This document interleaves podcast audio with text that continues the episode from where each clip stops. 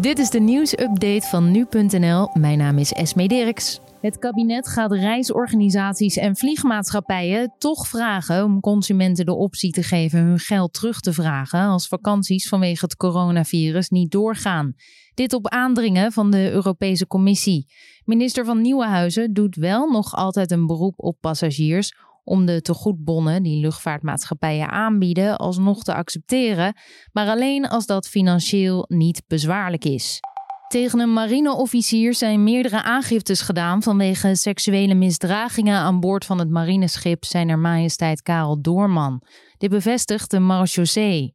Dat schip reisde af naar Sint Maarten om daar hulp te verlenen.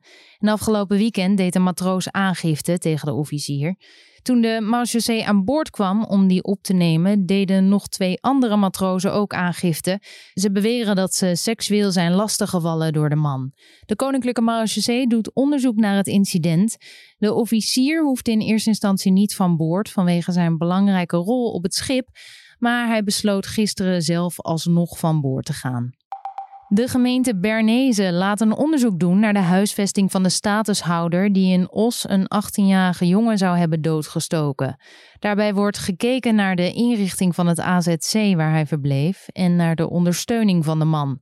Op 19 april werd Rick van der Rakt zwaar gewond naast zijn fiets op straat gevonden en kort daarna kwam hij te overlijden. Later die ochtend werd de statushouder in verwarde toestand gevonden terwijl hij over het spoor liep.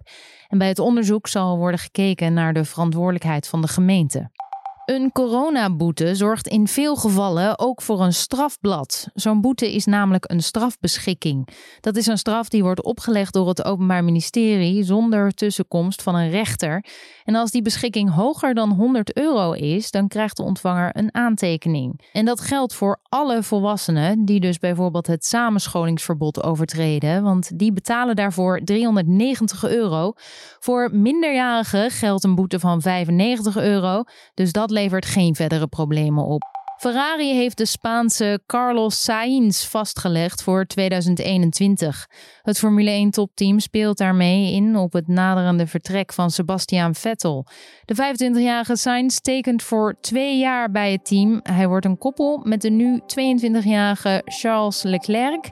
Samen vormen ze een van de jongste Ferrari-duo's ooit. En dit was dan weer de nieuwsupdate.